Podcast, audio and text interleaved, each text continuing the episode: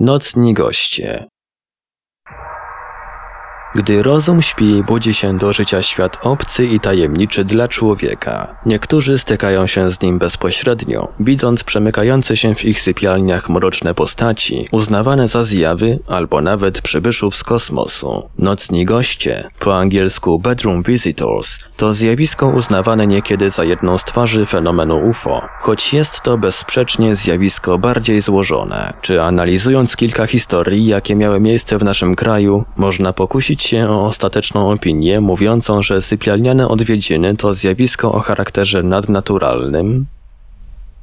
Jura, rok 2008 w pewną letnią noc 2008 roku młody mężczyzna zamieszkały na Jurze Krakowsko-Częstochowskiej położył się do łóżka. Przed snem, jak mówił, postanowił jak zwykle posłuchać muzyki, jednak tym razem wszystko miało potoczyć się inaczej niż zwykle. Rozluźniając się powoli, nagle ocknął się on, słysząc nieludzki wrzask, jednak naokoło panowała pozornie niczym niezmącona wieczorna cisza. Wszystko wyglądało najzupełniej normalnie. Choć zdarzenie nieco wytrąciło go z równowagi, postanowił wrócić do łóżka. Jak się po chwili okazało, wrzask powtórzył się raz jeszcze, jednak jak twierdzi świadek, nie był to zwyczajny odgłos, który odbił się od ścian jego pokoju. Głos, określany jako męski, pochodził gdzieś z wnętrza głowy.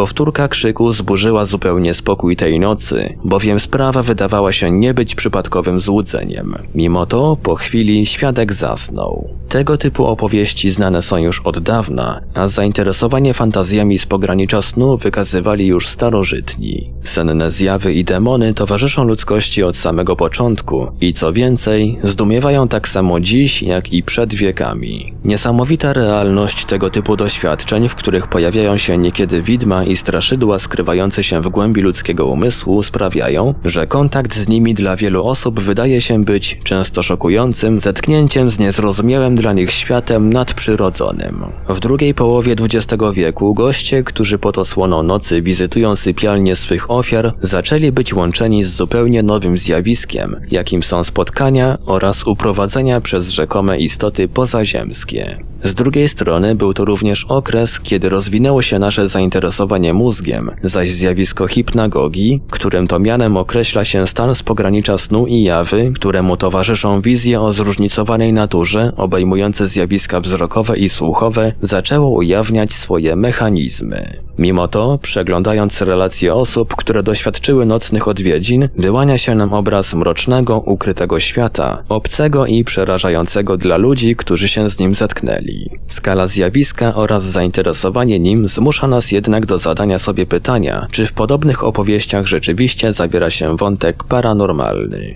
Powróćmy jednak najpierw do historii przed chwilą rozpoczętej. Śpiącego mężczyznę, który uprzednio zerwał się na równe nogi zaalarmowany wrzaskiem, zbudziło dziwne uczucie dyskomfortu i paraliżu. Jak sam przyznał, miał on wrażenie, że spoczywa na nim ogromny ciężar, który sprawia, że może on ledwie poruszyć ręką i palcami. Choć część z nas dopatrzeć się może tutaj działania innego typu zaburzeń sennych, przypominających ataki zmory, to najdziwniejsze jak się okazało miało dopiero nadejść. Leżąc na boku i słysząc muzykę, świadek z trudnością otworzył oko, widząc zalany mrokiem pokój, na tle którego od strony szafy ku oknu przepłynęła czarna postać. Wydawało się, że nie idzie, lecz lewituje w powietrzu, skrywając jednocześnie szczegóły swego wyglądu pod kawałkiem tkaniny, w jaki była ubrana. Ta seria niezwykłych doświadczeń, które rozegrały się w ciągu jednej nocy sprawiła, że świadek jeszcze przez długi czas znajdował się pod ich wpływem, obawiając się o powrót zjawy i swoje bezpieczeństwo. Pewne elementy tej historii przywodzą nam na myśl relacje o nocnej zmorze. Dziś wiemy, że za ataki owego demona odpowiedzialna jest i była przypadłość nazywana paraliżem sennym, której obok nieprzyjemnych doznań towarzyszyć mogą nawet wizje widmowego agresora. W przypadku z 2008 roku możemy się jedynie domyślać, w jaki sposób na odbiór doświadczenia i jego powstanie wpłynęło słuchanie muzyki przed snem. Choć wszystko wskazuje na to, że świadek mógł paść ofiarą sennych zaburzeń, doświadczenie i lęk przed nim były już jak najbardziej realne. Nocne odwiedziny, nocni agresorzy. Przeglądając relacje na temat niezwykłych doświadczeń, natkniemy się na całą serię sennych dramatów, które rozegrały się wedle scenariusza zbliżonego do zaprezentowanego przed chwilą. Ponieważ w wielu przypadkach winę za te zjawiska próbowano zrzucać bezpośrednio na barki przybyszów z kosmosu, czy też innych istot nadnaturalnych, nie powinno dziwić, że brak krytycyzmu doprowadził do pewnego zamieszania na tym polu. Doświadczenia z nocnymi gośćmi stanowią często składnik innych, bardziej kompleksowych opowieści o szeroko pojętych spotkaniach z nieznanym. Przejawiają się one często w opowieściach osób, które doświadczyły zjawiska abdukcji. Aby dotrzeć do sedna problemu związanego ze zjawiskiem, przyjrzyjmy się historii jednego z uczestników słynnej abdukcji nad Alagash, która miała miejsce w 1976 roku. Wtedy to grupa studentów zetknęła się z niezwykłym obiektem, w wyniku czego spotkała się z niskimi humanoidami poddającymi ich zabiegom natury medycznej. Jack Weiner oraz jego żona doświadczyli potem sypialnianych odwiedzin. Podczas nich miał być w pełni świadom, jednakże pełen przebieg doświadczenia ujawniła dopiero sesja hipnotyczna. Oto jej fragment. Jest niebieskie, niebieskie światło. A ja myślę, to zabawne, to nie księżyc. Potem idę do okna i wyglądam przez nie i to co widzę jest zadziwiające. Widzę duże jasne światło, a jest ono tuż za ciężarówką na polu poza domem. Myślę, o mój Boże, nie mogę w to uwierzyć. Mówię, Mary, wstawaj, wstań i popatrz. I biegnę do drzwi i wychodzę na zewnątrz i biegnę w kierunku światła na polu. Potem widzę biegnącego wraz ze mną psa. Podnoszę go i biegnę z powrotem do domu. Światło ciągle tam jest i porusza się. Wkładam psa z powrotem do łóżka i myślę, nie chcę tego robić. Nie chcę teraz tego robić. Nie chcę patrzeć na to światło, więc wracam do łóżka i myślę, nie chcę z tym teraz mieć nic wspólnego. Czemu oni teraz tutaj są? Jestem wystraszony, naciągam kołdrę na głowę, a Mary jest obok. I potem wiem, wiem, że coś jest w domu. Po prostu wiem, że oni tutaj są, a ja jestem pod przykryciem i myślę: O Boże, o Boże, czemu oni teraz tutaj są? Nie chcę, żeby się to stało. A potem pościel porusza się i czuję, że coś na niej jest. Kołdra rusza się w dół, a ja patrzę tam. Miałem rację. Są już tam. O Boże, są tam przy moim łóżku. Ma duże oczy i dużą głowę i jest ciemno. I jest światło za nim, które wpada przez drzwi. A to po prostu ściąga kołdrę, a ja nie chcę na to patrzeć. Patrzę na Mary. Jest tam jeszcze jeden. Jest obok Mary. Żałuję, że nie mogę nic zrobić, ale nie mogę. Muszę robić co chcą. Światło jest ciągle tam i chcą, abym wyszedł. Podnoszą mnie. Mary stoi, a oni zmuszają nas, aby iść ku światłu. A pies nic nie robi. Przechodzimy przez drzwi. Idziemy po trawniku i czuję, że lecę. Nasze stopy są na ziemi, ale moje stopy nie robią tego, co chcę.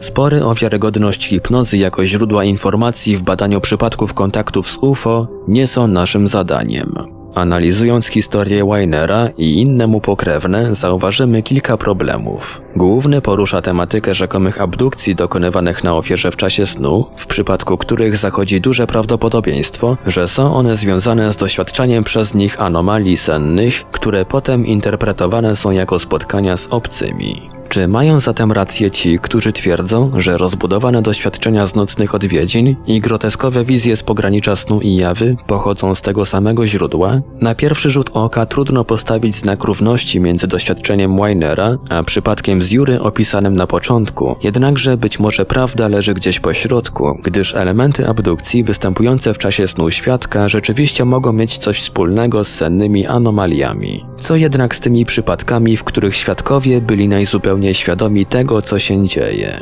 Głównym i najważniejszym problemem pozostaje analiza przypadków rzekomych abdukcji uznawanych wciąż za doświadczenia z pogranicza iluzji i rzeczywistości, podobnie jak zjawy z pogranicza snu i jawy. Po coraz bardziej podejrzanym przypadku Hillów, uznawanym za początek ery porwań, pojawiła się cała seria mniej lub bardziej przekonywujących historii, których pokłosiem jest obecna bardzo skomplikowana sytuacja. Pamiętając wciąż dobrze takie historie jak przypadek Andreysonów, Travisa Waltona Antonia Villabosa, wzięcia nad Alagasz czy Pascagoli, czy dorobek i opinie takich ludzi jak dr John Mack czy Carla Turner, trudno czasem zaakceptować nam, że nie da się zrobić na tym polu nic więcej. Sprawy nie ułatwia fakt, że w dzisiejszych czasach wiele klasycznych, intrygujących przypadków wrzuconych zostało do jednego wora z opowieściami osób z różnych przyczyn niewiarygodnych lub psychicznie niestabilnych. Kosmici i ich działania weszły ponadto w skład masowej kultury, a stamtąd do naszej codzienności. Przez to odróżnienie mitu od tego, co warte uwagi, może być niezwykle trudne. Częstochowa, rok 1996. Jak już wiemy, scenariusze nocnych odwiedzin, podobnie jak występujące w nich elementy, mają niezwykle zróżnicowany charakter. Często są to historie niezwykle barwne, cechujące się dużym realizmem. Kolejny z przypadków z południa Polski miał miejsce w 1996 roku w Częstochowie. Wtedy to kilkuletni chłopiec zbudził się w nocy, widząc w swoim pokoju tajemniczą, zakapturzoną postać. Adam postanowił zbliżyć się do niej, jednak, jak mówi, uciekł niedługo potem, odczuwając przerażenie. Stało się to latem 1996 roku. Miałem wtedy 7 lat. Pamiętam, że gdy kładłem się spać, spoglądałem przez otwarte okno na zachmurzone niebo. W pewnym momencie obudziłem się. Pamiętam, że panowała jakaś cisza absolutna i kiedy spojrzałem w okno, zobaczyłem czarną sylwetkę, która znajdowała się pomiędzy oknem a łóżkiem. Przyznaje świadek, zamieszkały w częstochowskiej dzielnicy Błeszno. Mówiąc o absolutnej ciszy, ma na myśli to, że obserwacji nie towarzyszyły obecne zwykle odgłosy nocy, które słyszał jeszcze przed pójściem spać. Zaobserwowana postać mierzyła około 1,50 m, 1,60 m wzrostu i odziana była w połyskliwą, wedle świadka odbijającą światło księżyca, szatę w kolorze ciemnoszarym, która rzucała cień na znajdującą się w pobliżu szafę. Świadek nie dostrzegł wielu szczegółów jej wyglądu skrywanych pod jej odzieniem, oświetlonym częściowo światłem księżyca. Wkrótce po przebudzeniu się poczuł dziwne uczucie w brzuchu i po chwili mimowolnie, bez podania dokładnej przyczyny, podszedł do istoty. Okno wciąż było otwarte. Pod kapturem dostrzegł szarawą gliniastą pomarszczoną skórę i cienkie sine wargi, które przybrały wkrótce dziwaczny grymas, jak gdyby uśmiechając się do niego. Postać stała w bezruchu. Uśmiechnęła się do mnie, ale jakoś dziwnie, chyba ironicznie. Wtedy ogarnął mnie paniczny strach. Zacząłem wołać mamę, która spała w drugim pokoju, ale bez rezultatu. Przyznaje świadek. Gdy przerażony chłopiec pobiegł do pokoju rodziców, istota odwróciła się w tamtą stronę, ale prawdopodobnie pozostała w tym samym miejscu. Jego rodzice i siostra spali w sąsiednich pokojach. Z powodu braku reakcji na krzyk, postanowił on obudzić rodziców sam, jednak jak sobie przypomina, ku swemu wielkiemu zaskoczeniu nie był w stanie tego zrobić.